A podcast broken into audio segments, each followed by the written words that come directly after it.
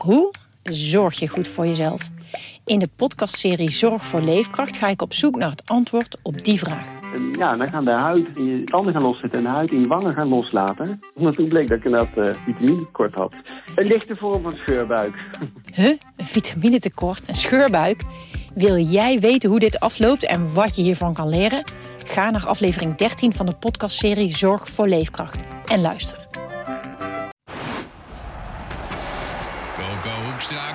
Hoekstra, en het is een goal! Dit is Coco Radio, de voetbalpodcast van de Leeuwarden Courant en Sport Noord.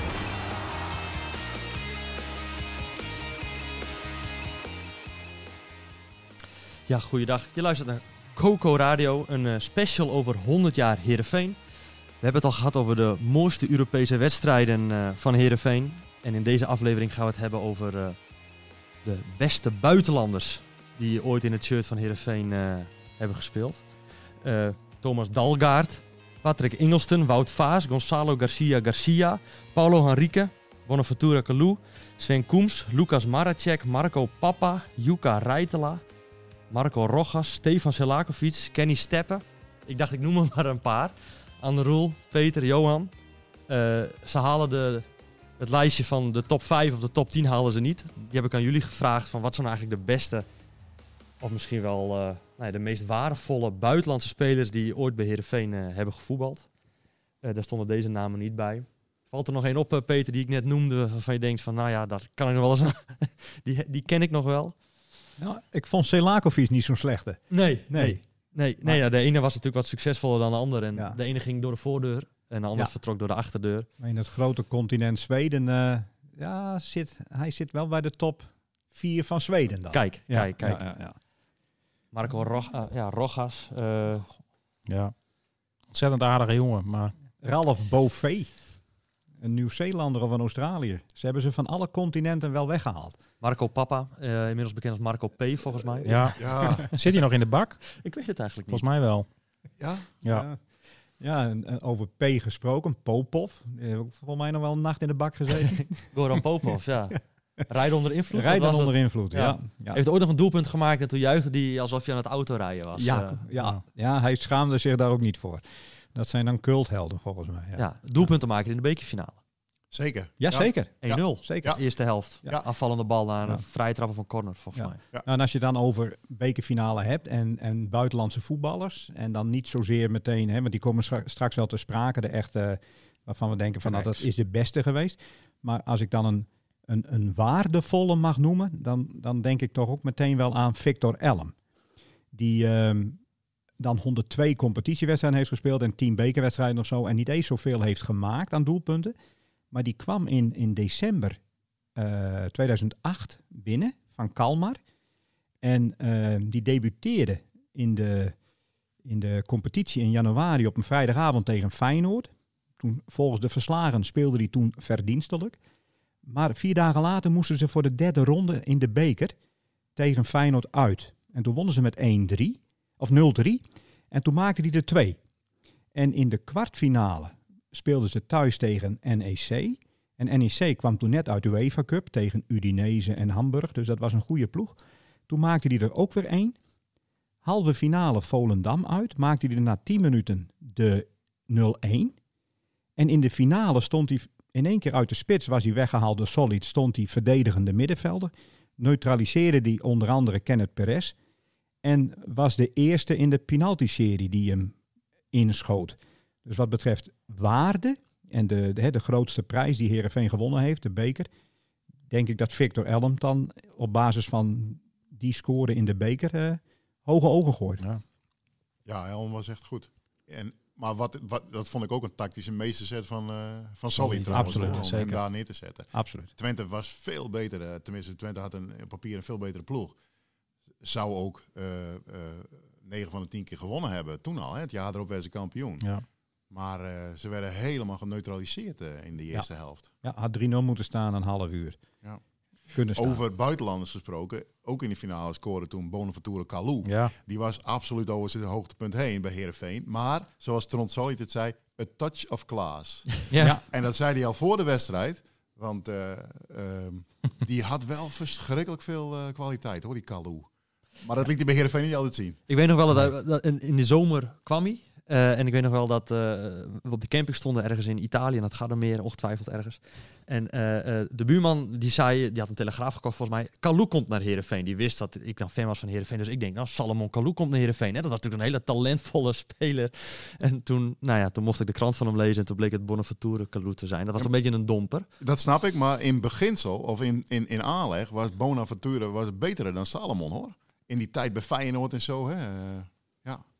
Eh, Voor mij sp- speelt Salomon Kalou nog, nog Her steeds. Hertha BSC, ja, denk ik. ja, ja, ja. Ja. Dacht ik ook. Er hebben heel wat buitenlanders eh, eh, het shirt van Heerenveen eh ja, mogen dragen. Eh, wie was de allereerste? Peter, Johan, nou ja, Van der Roel? Paja Dolezar, eh, dat was een, een Joegoslaaf. Die kwam in 1971 of in eh 72, voor mij in 71 al. En eh, dat was de eerste fullprof van Heerenveen ook gelijk. Iedereen had er toen nog een baan bij. Dat was ook heel mooi. Dan kreeg je van tevoren, kreeg je dan het seizoen, kreeg je dan de, de, de, het team in de krant afgedrukt. En dan stond erbij bijvoorbeeld eh, Henk Soetendal. En dan stond er zijn, zijn gewone beroep er ook achter. en vaak werd dan ook nog gewoon het adres hè, in jouweren van die spelers met telefoonnummer werd afgedrukt. Ja. Ja. En Paja Dolezar, een langharige Joegoslaaf. Wel kalend op zijn boven op zijn kruin, maar in elk geval, die eh, was de enige fullprof bij Heerenveen. Heeft ook maar een jaar bij Heerenveen gespeeld, maar dat was de eerste, ehm, eerste buitenlander bij Heerenveen. eh En- toen volgde al snel Johan eh Smiric. ja, Smiric, die, Slobodan. Slobodan. Slobodan Smiric, die, die later trainer is geworden en ook in Friesland is gebleven. Die, is, er nog, die woont nog steeds in Heerenveen. En die, die kreeg een baan volgens mij bij wat toen nog Nieuwe Wemen heette. Nieuwe Wemen. Ja. Ja. En Smiric die heeft die Dolezar nog een, een week meegemaakt. En eh, daarna was hij de, de, de enige, zeg maar, eh, eventjes, meen ik. Ja. Smiric. Nou, ze hebben ze uit alle windstreken wel gehaald. En eh, mede door het Europese voetbal kregen ze wel voet aan de grond in de Scandinavische markt. Ik denk dat Heerenveen wel de eerste club was, of een van de eerste clubs die zijn weg wist te vinden in met name Denemarken. Nou ja, ik, mijn lijstje dat ik moest indienen stond ook Jonal Thomasson. Die hebben we die allemaal wel hadden. Die heeft natuurlijk wel de weg geopend eh, voor, voor heel veel eh Scandinaviërs die volgden. Hij was erg succesvol bij Heerenveen. Geweldige speler. Ja. Eh, Maar Thomasson staat natuurlijk model voor Precies. de jonge eh Scandinaviër Ja. eh, die met heel veel talent, die bij Heerenveen tot volle wasdom komt. ja, beter werd en, En- werd doorverkocht. En werd doorverkocht. Ja. En, en, en dat is de standaard geworden voor een bepaalde Ja. periode. Hè? ja.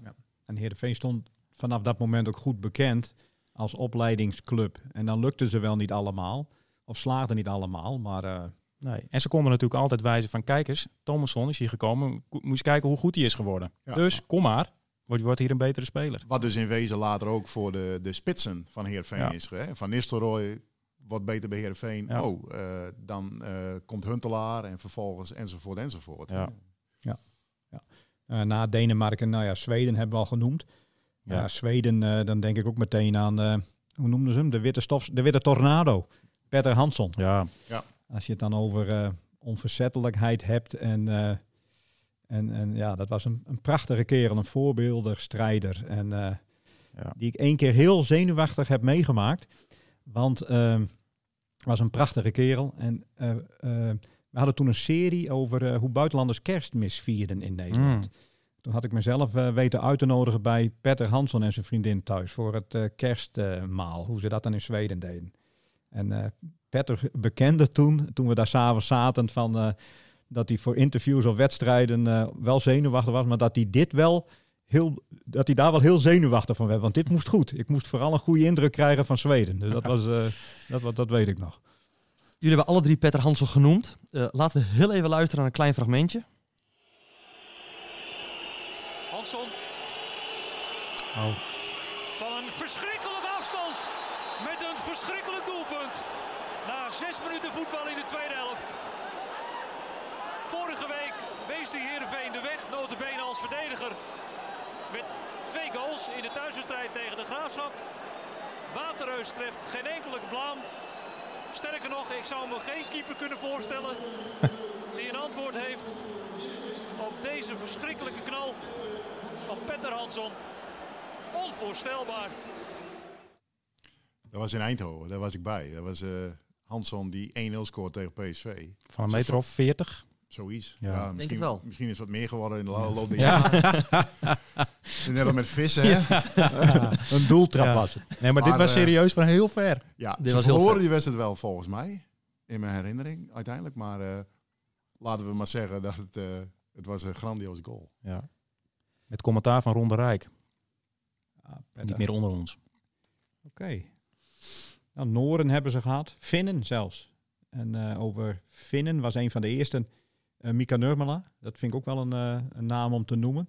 In zijn tijd een, eh, vond ik een hele waardevolle ja, rechtsbuiten.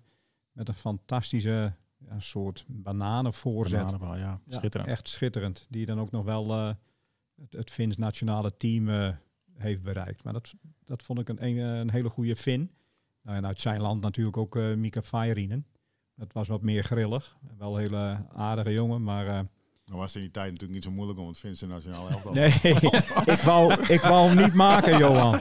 Ik wou hem niet Ja. maken. Maar eh ze zouden het EK hebben bereikt, dacht ik. Ehm, ja, deze keer weet ik Ja. eigenlijk niet. Maar ze, ze, waren, ze komen wel steeds dichterbij. Bijna elke Europese ploeg eh, Ja, dat, dat- Ja. ja. mag, doet mee met de EK, toch? Maar ze, op een gegeven moment kwamen ze overal vandaan. Eh, zelfs uit Rusland. Ja, we hebben dus een wereldelftal gemaakt, toch? Ja. Voor de krant. Werkelijk van elk continent kwamen ze. Ja. Ongelooflijk. Want er ontbrak nog één continent, meen ik. En toen haalden ze ehm, Azië. Maar dat was, want Reza was een geboren Iranië. Iranier. Ja, dan Ja. was dat Azië. Nou ja, Van Ja. Hou, die kan er nu wel in. Vietnam. Ja, precies. precies. Maar ook de Down Under, hè, met Ralph Bové. En volgens mij was er nog één. Marco Rojas en Kiwi. Ja, Nieuw-Zeeland. nou, overal vandaan. Canadezen, Amerikanen. Canadezen, hebben ze. ja. Nou, Amerika Hans, Hans Vonk in de goal. Als, eh, Zuid-Afrikanen. Ja, dat was er. Ja, als je dan aan buitenlandse keepers denkt, dan eh, ja, dat vind ik dan Brian van der Bussen wel. Hans Vonk is natuurlijk op papier Zuid-Afrikaan en twee WK's voor Zuid-Afrika. Ja. Ja, officieel wel. Officieel. Ik Ja. vond Christopher Nordveld ook een goede keeper. Ik vond Christophe Noord eigenlijk beter dan Van de Bus. Ja, Eigenlijk. ja. In, in, in, als keeper. Maar, maar voor een buitenlander zou ik dan toch... Ja, heeft twee keer WK voor Zuid-Afrika gekiept. Dan is toch Hans Vonk de beste Ja. buitenlandse keeper in mijn ogen, hoor. Ja. ja. Ja. Hoe Hollands hij ook is, eigenlijk. ja. Maar ze kwamen overal vandaan en eh, er waren ook wel eh, jongens bij waarvan je dacht van nou, oké. Maar als we één moeten noemen vanaf eh, die ze dan haalden, dan eh, de, de Roemeense connectie, dan eh Ja. Kamataru. Kamataro was natuurlijk... Die, die, die, die stond ook voor iets van, van een soort keerpunt of zo. Hè? Ja. Ehm, kijk, je had natuurlijk Smiric gehad en Dolezar. En dat, dat is natuurlijk allemaal vergeten. En dat was allemaal leuk in die eerste divisie waar ze in de jaren 70 toch niet uitkwamen. Maar toen waren ze dus in 90 gepromoveerd. En, en het was allemaal leuk. Maar zes puntjes bij de winterstop. Er moest wat gebeuren. Nou, Van der Gijp wordt gehaald. eh Sjaak Storm in de goal. En een Roemeen van Charleroi. eh Rodion Kamataru. En ik wist wel van, van jeetje, Kamataru. Dat is die speler van, eh van, van, van eh Steaua Boekarest, geloof ik. Of, of Craiova zelfs nog. Die topscorer van Europa is geweest. Die verkochte gouden schoen. ja, en... en 13, nou, 13 goals in de laatste twee wedstrijden op opdracht van Ceausescu. ja, waar Ging hij, het verhaal, hè? waar hij zelf van zei van dat is absoluut, Absoluut niet, niet waar. waar. Nee, ja. Maar Tony Polster, die heb ik trouwens ook nog gesproken, die werd tweede en die, eh, die was het daar niet mee eens. Die was erg woest daarover. Maar, dat, maar Kamataro, dat was wel even een meneer, want die was wel, eh, volgens mij, in, die, in de zomer daarvoor, 1990, zat hij nog bij de selectie van Roemenië eh, bij het WK. En eh, zo'n speler kwam ineens naar Heerenveen. Dat Ja. was eigenlijk ongelooflijk. Ook al was hij natuurlijk al Over. 31, 32 en iets te zwaar. Maar Ja. wat een klasse was Wat dat. een klasse. Ja. Ik, ik weet nog een winterdag en Sjaak Storm, je noemde hem al, die was ook nieuw. Die, die hengst die bal gedragen door de wind naar voren in een competitiewedstrijd. Die bal die zeilt, die haalt rand 16 van de tegenstander, waar Kamataru met drie tegenstanders in zijn nek hangt. En die bal ligt dood op zijn wrijf.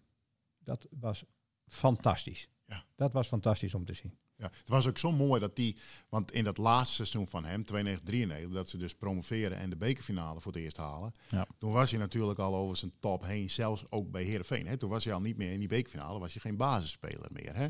En, eh, maar toen viel hij in, het was 6-1 voor Ajax. Heel, eh, heel jammer eigenlijk, hè, want het was een fantastische belevenis. En eh, oké, En toen maakte hij nou die 6-2 als invaller. En hoe blij hij toen was. Maar en hoe iedereen hem dat ook gunde. Want het was, eh, het was zo'n cultheld, Kamataru.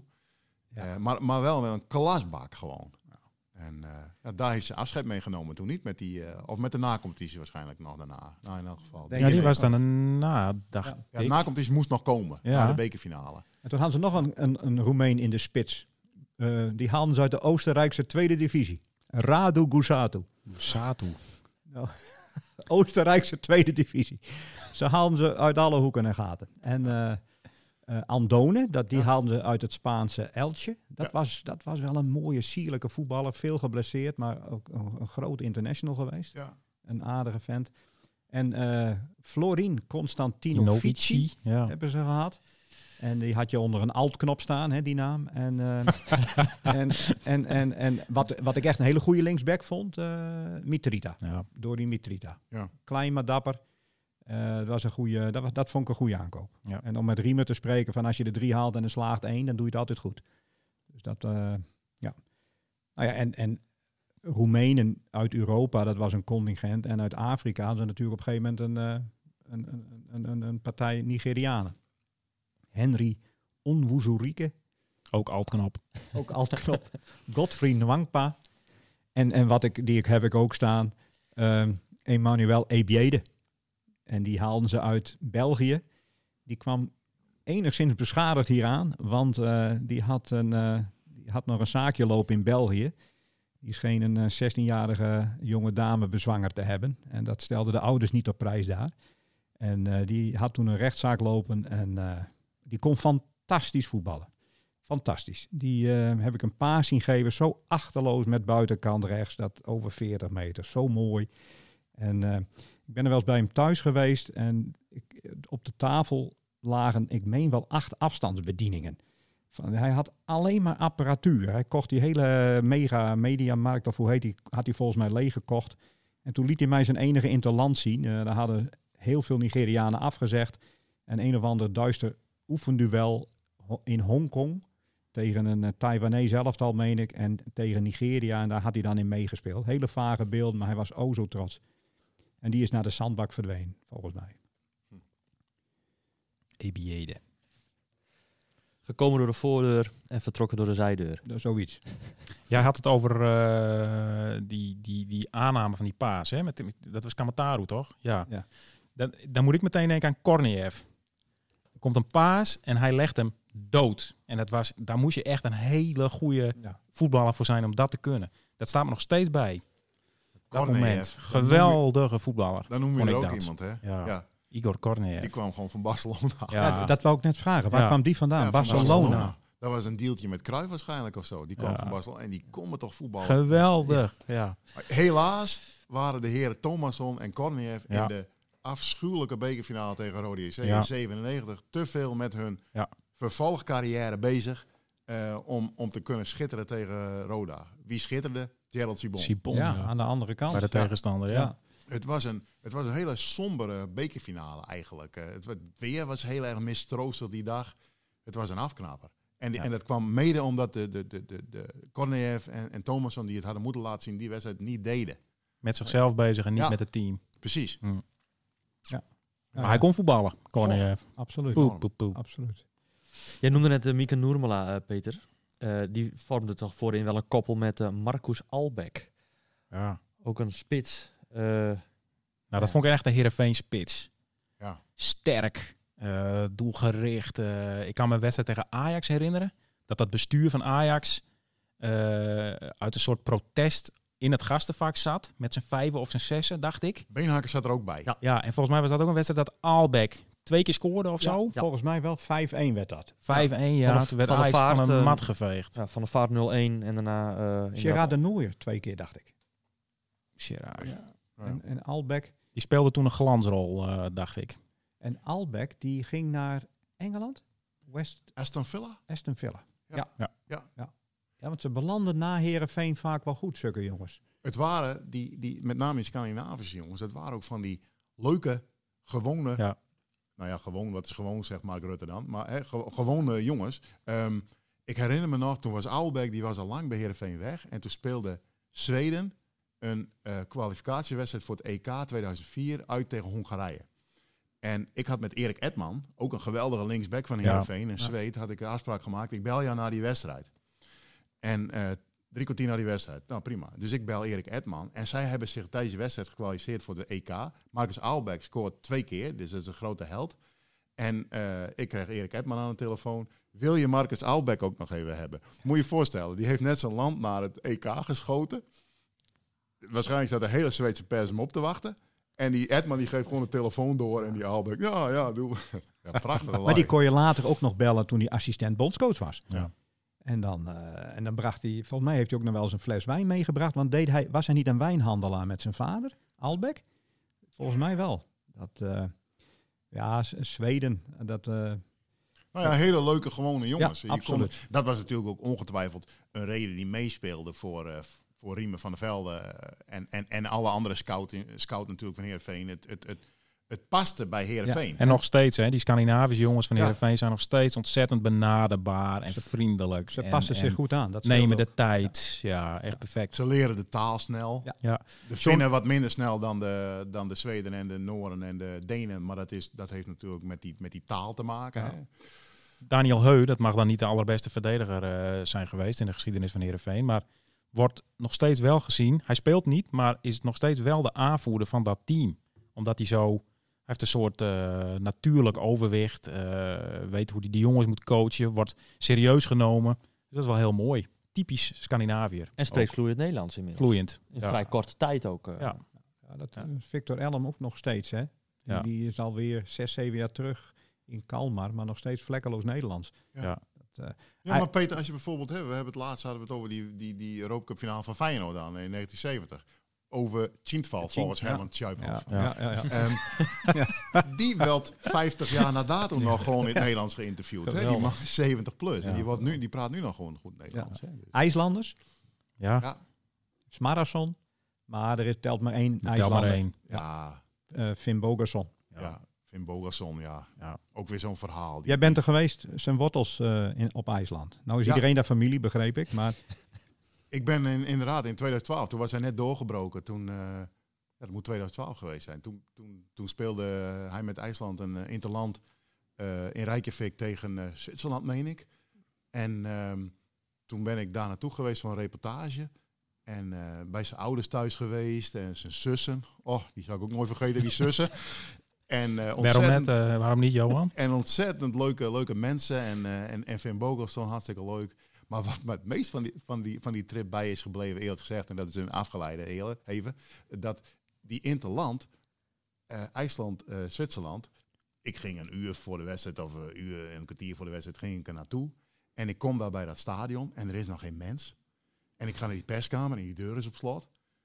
En ik kom daar bij die deur en met dat ik daar ben, een uur voor de wedstrijd, komt er een dame met een heel grote sleutelbos. En die deur die gaat open en de lichten gaan aan. En het is Interland, hè? Kwalif WK, een WK of EK-kwalificatie. Eh, dat zal ik nooit vergeten. Dat was IJsland, ja. Finn Bogerson was een goede spits. Uitstekend. Ja, ja. ja maar daar in de spitspositie gaat dan de aandacht, denk ik, bij Heerenveen toch naar uh, die ze uit Zweden haalden. Ik dacht, wie gaat hem als eerste noemen? Maar uh, nou, Peter? Ja. Nou ja, ik, ik geef de voorzet maar, want de heren hebben hem... Denk, ja, nou, ik heb Alves, want daar gaat het dus om, Afonso Alves, uh, meegemaakt wel. En dat was een laat ik het zeggen, een speciaal geval. Maar voetballen kon hij wel. Nou. En, uh, en, en over de benaderbaarheid van met name dan ook de club. Uh, hij ging toen naar uh, Middlesbrough. Hij had al wat rechtszaken gehad. Met AZ oh. had hij getekend met Van Gaal en noem ja. maar op. Dus dat was allemaal alle toestand. Elke dag schreef ik daar dan ook gewoon. Wij schreven daar dan gewoon halve pagina's ja. van vol. Hè? Want met Alves was er altijd wat. Hoewel we ook wel met een Griek uh, een, rechtszaak hebben gehad, Samaras, maar daar komen we dan nog wel op. Maar Alves weet ik nog wel. En uh, dat ging dan eindelijk gebeuren, die transfer. En ik had gevraagd of ik uh, dan die laatste uren van die transfermarkt, hè, die deadline, dat window, dat stond dan open tot 31 januari, meen ik. En mocht volgen. En op een gegeven moment moest de baas Alves zelf ook verschijnen voor de laatste krabbel, hè, om zichzelf vrij te krijgen. Nou, dat ging miljoenen vlogen over en weer in de bestuurskamer. En nee, ik luisterde dat gewoon mee af. En uh, op een gegeven moment komt Middelsbro, die meldde zich. 16 miljoen, nee, hè, niet 16 miljoen, nou 16,7 miljoen, oh, oh, oh, oké, eh, dus dat hupsakee. Daar werd over bedragen gesproken. Maar goed, op een gegeven moment eh, moest ik er dan toch maar even uit, want dan ging het op de details. En, eh, en in de gang trof ik daar Alves, want die stond natuurlijk ook te wachten. En die was als een kind zo blij. En er lag een bal, weet ik nog wel. En daar zijn we gewoon mee aan het overschoppen geweest. En, eh, en toen had ik al een telefoontje gehad van de fotograaf. Die stond buiten het stadion. Dan moest ik de lamellen even opendraaien. En dan kon hij betere foto's nemen van de bestuurskamer. Dus dat, dat deed ik dan zo even. Maar Alves was hartstikke blij dat hij... eh, nou ja, die is dan qua transfersom wel door de voordeur vertrokken. Ja. Qua omgangsvormen was er nog wel eens wat aan te merken. Ja, wat wel jammer is eigenlijk. Hè? Want Ja. hij- dat is ook een herinnering aan Alves. Terwijl het, eh, ja, dat, dat, dat moeilijke, of dat gedoe eromheen. Een enorme gedoe met 16 zaakwaarnemers en, en weet ik het, allemaal Ja, maar ook- loesje types. Maar ook niet te laat komen, Ja. afspraken Ja, niet zeker. nakomen. En dat is, dat is natuurlijk wel Braziliaans. En dan moet je ook, vind ik, als club moet je daar wel een beetje doorheen prikken. Hè? Van, we zijn niet allemaal Friesen, we zijn niet allemaal Nederlanders. Dus, dus eh, Daar leerde de club ook van. Ja, Ja. Maar, maar dat is wel heel jammer. Want, want eh, ik herinner me bijvoorbeeld, eh, dat was volgens mij die Helsingborg-trip. En, en rond, die, rond die periode, dat, dat Verbeek op een gegeven moment voor de camera zegt van... eh, wie? Alves? Weet je wel, die was er helemaal klaar mee. Omdat hij gewoon ook de ploeg in de steek liet dan. Hè? En het is wel jammer dat dat is bij, want hij is gewoon, na Abel Ensa in mijn ogen, de beste speler die ooit bij Heerenveen heeft gespeeld. Werkelijk waar. Ehm, Wat een je moet je voorstellen dat op een gegeven moment speelt Brazilië de, de Copa America. In, ik denk in de zomer dan van 2007. En ehm, de nummer 9 van Heerenveen is gewoon de nummer 9 van Brazilië. Ja, Dat is onvoorstelbaar Ja. eigenlijk. Ja, dat je, je had dan van die lijstjes en dan, hij heeft ook wel eens gezegd van, van dan moest hij gewoon tegen KK en Ronaldinho van waar speel jij? Heerenveen, wat is dat dan? Hè? Het klinkt als een stripboek, maar het is nog waar ook. Hè? Dat, dat, Ja. Al die internationals stonden AC Milan, Barcelona, noem ze allemaal maar op. Gerenveen. Heel ja raar. geweldig. Even een klein fragment van eh, Alves. Schop, Heerenveen. En kijk eens, tranen bij Pierre van Hooydonk. Ja, dit doet pijn. Dit doet heel veel pijn. Och, wat een beeld. Hoezo beleving? Pierre van Hooydonk met de tranen in de ogen. En met de goal van Alves. Jongen, jongen, jongen. Wat een fenomeen. Kan verdriet en vreugde dichter bij elkaar liggen op een voetbalveld? Nee, de tranen bij Van Hooydonk. En dan de goal van Alves. Zijn vierde in deze wedstrijd. Nummer 34. En 5-1. 34 doelpunten eh, in één seizoen. De 5-1 tegen Feyenoord. Op de dag dat eh, ook werd uitgemaakt wie de kampioen ging worden. Ja. Eh, Ajax, PSV, AZ. Ja. Iedereen had oortjes in op de perstribune, herinner ik me. En Ja. Gooide er even vier in. Feyenoord kon nog Europa in. In dat laatste wedstrijd van Van Hooydonk. Ja. Eh, het mocht niet zo zijn. Het werd de Alves eh, show. En in het nieuwe seizoen inderdaad kwam hij niet. En toen kwam hij weer wel. En toen maakte hij zeven doelpunten. Ja. Tegen eh Heracles. Heracles. Nou ja, ik geloof dat Even ten Apel was het commentaar. Ehm, die noemt het woord fenomeen. Ja, dat woord wordt vaak gebruikt, te vaak wel eens. Maar voor Alves is natuurlijk Absoluut. geld een fenomeen. Ja. Ongelooflijk Ja. gewoon. Zo goed hij was. Ja. Jammer dat hij naar Middlesbrough is gegaan eh, eigenlijk. Want daar eh, was het... eh, dat was hij, hij had beter naar een iets betere club in Engeland. Dan, want hij had hè, in een ploeg waar je veel kansen krijgt, gaat Alves heus wel scoren. Weet Hij je wel? scoorde eh, in dat jaar, in 2008, nog drie keer tegen Manchester City. Toen won Middlesbrough met 8-1 van City.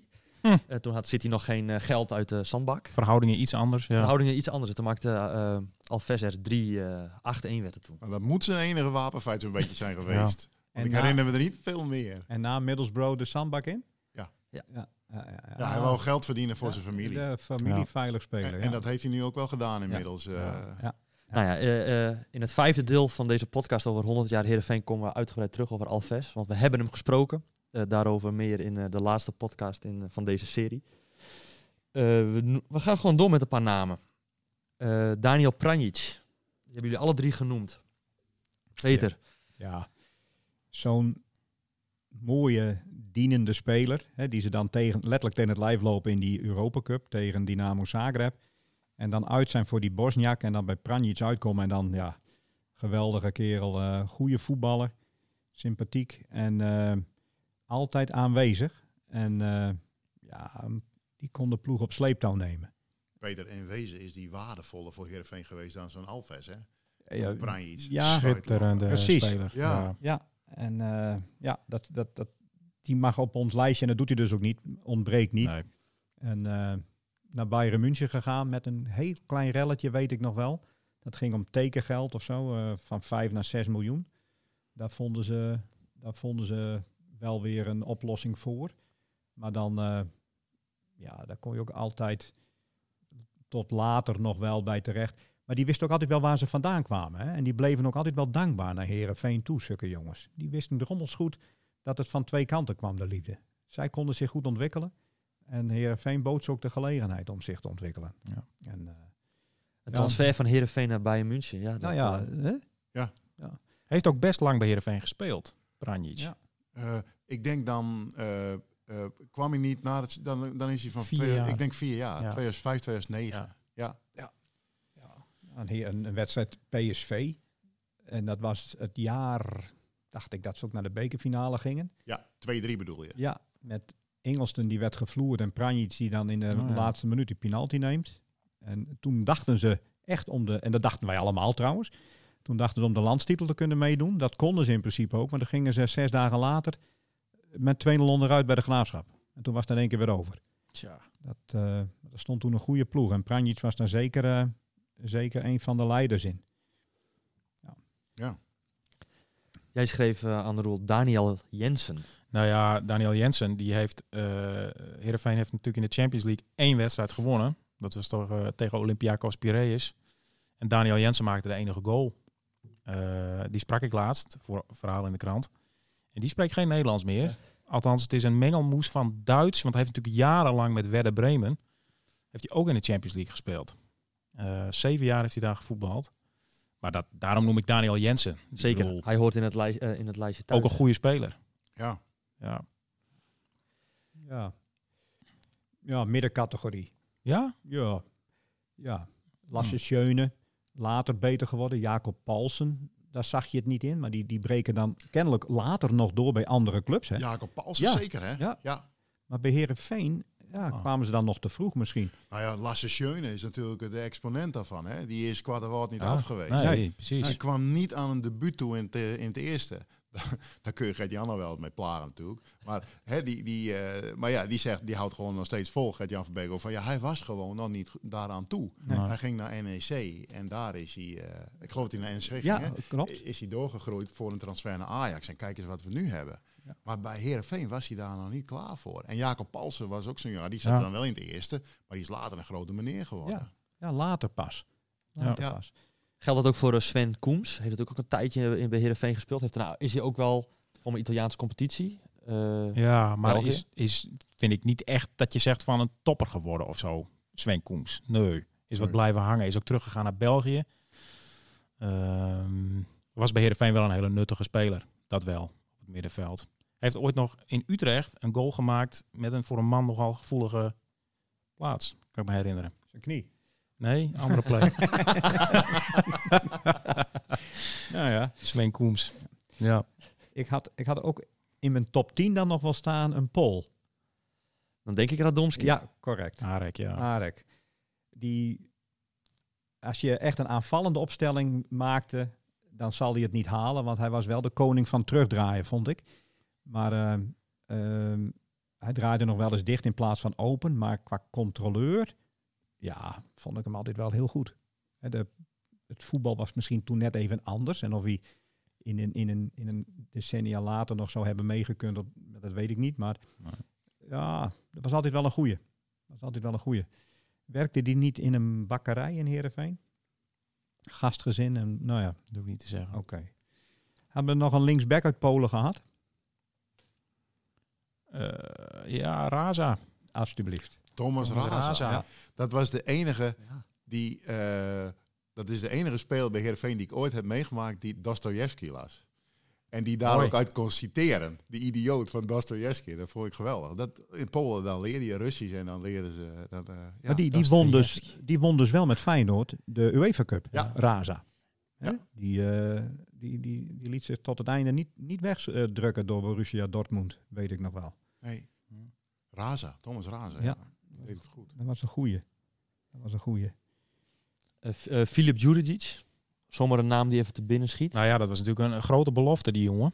Eh, deed het bij Heerenveen ook heel goed. Goede speler. Was altijd heel uitgesproken na een wedstrijd. Als het slecht was, dan, nou, dan was hij echt niet te houden. Dan gooide hij ook alles eruit. Maar die heeft het niet gemaakt Daarna bedoel ik. daarna. Nee, Die, die, die heeft niet de top gehaald. Nee.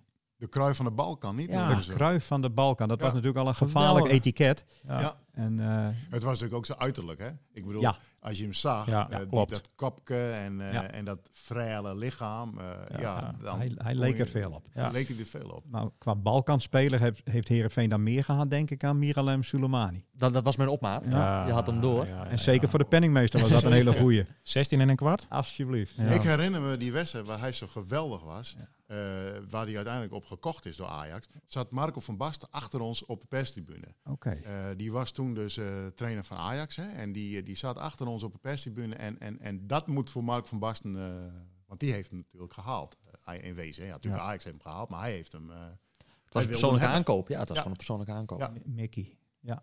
Voetbalt nog steeds, dacht ik, in Zwitserland. Young Boys. Young Boys, ja. Ja. Ja, ja, ja. Wat me opviel, eh, wat niet terugkwam in jullie lijstjes, is Michael Bradley.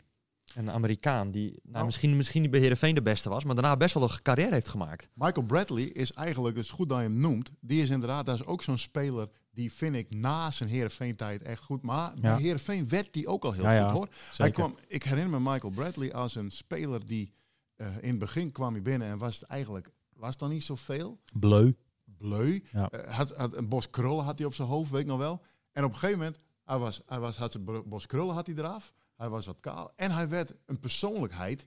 Niet altijd even aardig meer ineens of zo. Ik vond hem, maar hij was nou een typisch een box-to-box player, zeg maar. Hij was echt zo'n speler van, eh, en dat is ook altijd gebleven. Wat mij het meest verrast van Michael Bradley was, dat hij een grote meneer in Italië was op een gegeven moment. En naar Toronto Ja. terugging. Natuurlijk voor dikke knaken.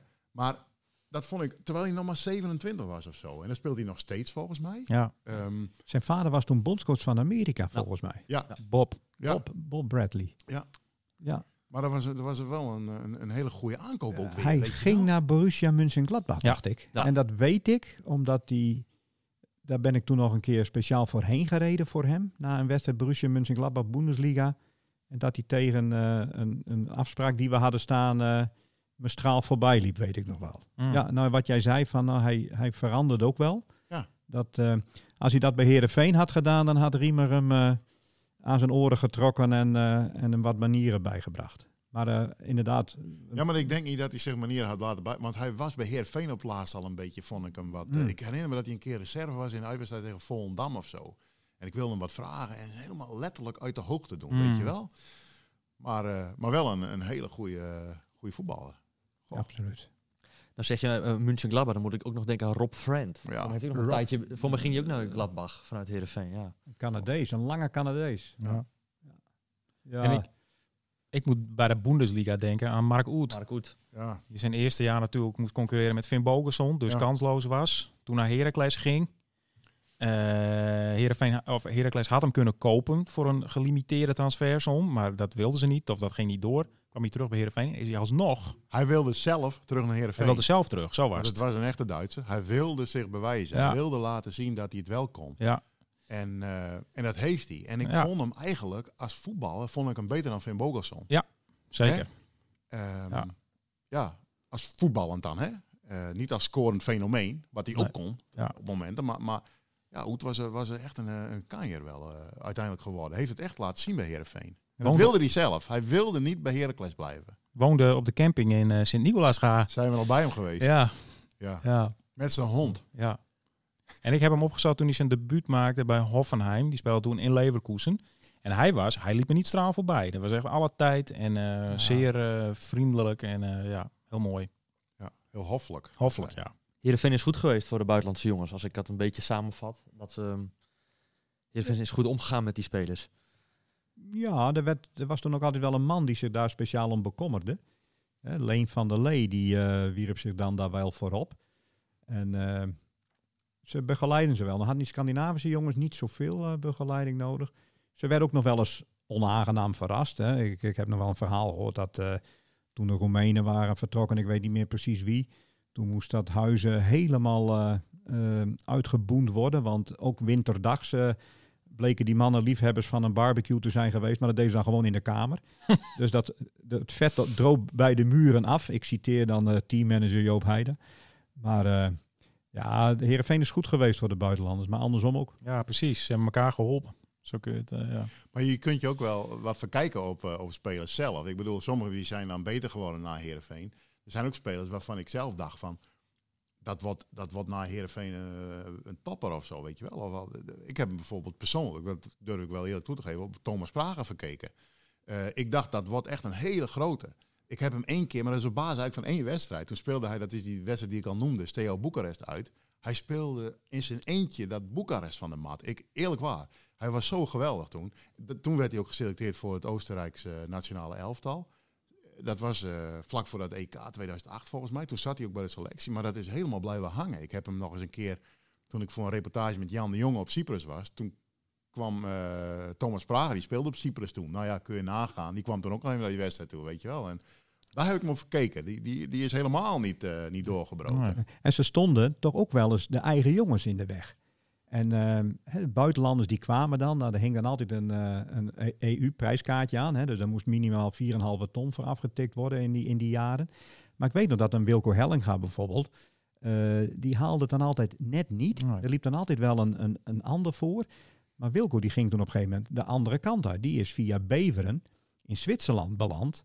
En die heeft langs die weg eigenlijk zijn mooiste Europese herinneringen behaald. Die heeft met Sangallen dan nog gespeeld tegen ik meen Aston Villa.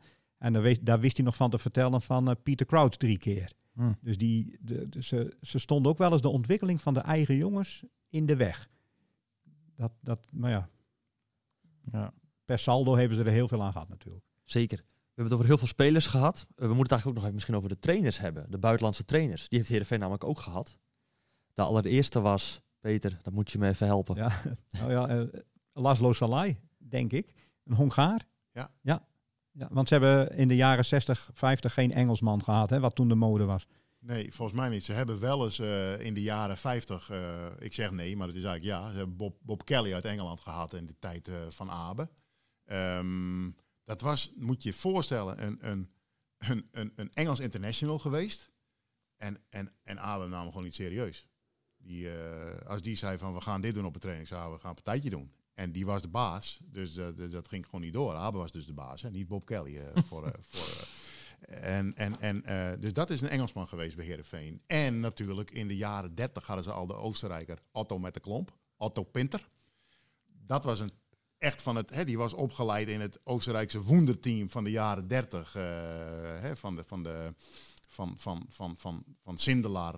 hoe, kwam, hoe kwam die in Nederland terecht? Ja, dat was in die tijd zo. Nederland was gewoon, zeker het noorden, was een onderontwikkeld gebied op, op, op voetbalgebied. Okay. En, uh, en, en Nederland als zodanig daarvoor natuurlijk nog. Dus die Engelsen, die kwamen, uh, Bob Glendenning, waar we het over hè, de laatste sprake kwam, andere trainers, um, die, uh, die kwamen dan in Nederland om het, om, om het te leren. Heerenveen had zelfs in de jaren 30 al een Engelsman volgens mij. en, en, um, en Otto Pinter, deze Oostenrijker dus, die kwam ook. die kwam ook. Uh, dus Heerenveen heeft wel wat buitenlandse trainers gehad in die periode al. Toch wel. Ja. Ze, en ze haalden op een gegeven moment een Nederlander uit Denemarken als trainer. Aap Gritter. Gritter. Oh. Ja. En die legde wel de basis voor uh, de promotie, want onder hem wonnen ze de eerste periodetitel in 1989. Ja. Om maar eens wat te noemen. Maar, maar die werd toen ontslagen tijdens dat seizoen. Absoluut, want ze, ze zakten maar door en door. En ze eindigden als zestiende. Maar toen was Korbach inmiddels aan, uh, aan de knoppen gekomen. Duitser. Ja. Ja, ja een Duitser. precies. Maar de bekendste is natuurlijk vanwege zijn grote prijs die hij gewonnen heeft, denk ik. Uh, ja. Tronsolja, ja. ja. ja. Wat ik persoonlijk een hele goede trainer vond. Daar zijn de meningen over verdeeld. Maar uh, uh, ik vind ook persoonlijk dat hij te vroeg en te snel ontslagen is na dat uh, successeizoen. Ze zochten een stok om te slaan. Dat vind ik nog steeds. Um, het werd daarna ook niet beter, dat seizoen. Onder, onder, onder Jan de Jonge en uh, later, nou ja, um, toen kwam onze vriend uit Zwolle nog, hè? Jan, Jan Eversen. Jan Eversen. Maar uh, nee, Solly, dat vond ik tactisch uh, een, een, hele goede trainer. Tuurlijk, die had zijn dingen waardoor die niet te handhaven was, blijkbaar. Dus dat speelde natuurlijk ook ja. een rol, dat weet ik ook wel. Ja. Maar, speel, We speelden niet het mooiste voetbal, eh, zei Victor Elmo eens. Eh, we speelden niet het mooiste voetbal, maar we wisten wel hoe we moesten winnen onder Mm. Solid. En dat is natuurlijk wel heel belangrijk, want je speelt uiteindelijk om de knikkers. Dus, eh, maar Solid was prima. Solly die zei dan Peter, hè, wij deden hem dan wel eens een beetje na, met zo'n hoog stemmetje van als ze dan hadden verloren. Ik doe het nu niet na. Ik ben ontschuldigd. Ja. Op zijn, want die was natuurlijk in België begonnen, bij, eh, bij Gent. En eh, daar had hij het Nederlands dus geleerd via zijn Belgische vrouw. En dan zei hij nooit van ik ben teleurgesteld, maar ik ben ontschuldigd. Ontgoocheld. En hij had dan een Belgische assistent, die nam hij mee, Chris van Puivelde. Ja. Chris, Die nou een hoge positie heeft bij de Belgische voetbalbond. eh, inmiddels in China. oh, in China, oké. Ja, maar die heeft het, eh, ja, ja. Maar Solid was een, eh, ja, linksom, rechtsom. Die eh, heeft ze naar de beker-overwinning Ja. gebracht. Ja. Dus eh, ja, was een eh, opvallende trainer. een zeer opvallend. Ja. Eh, we zijn rond. Eh, eh, dit einde is het begin eh, van een andere podcast die vanaf morgen te beluisteren is. Het gaat over de mooiste wedstrijden. Dan gaat het ongetwijfeld ook over de bekerfinale 2009 in de Kuip. Dank voor nu. Ook de vorige podcast is te beluisteren. Dan gaat het over de mooiste Europese wedstrijden. Die kun je vinden in de podcast-app van Apple en iTunes. Bedankt voor het luisteren en tot de volgende. Dit was Coco Radio. Abonneer je via Spotify en iTunes en je krijgt altijd de nieuwste aflevering in jouw feed.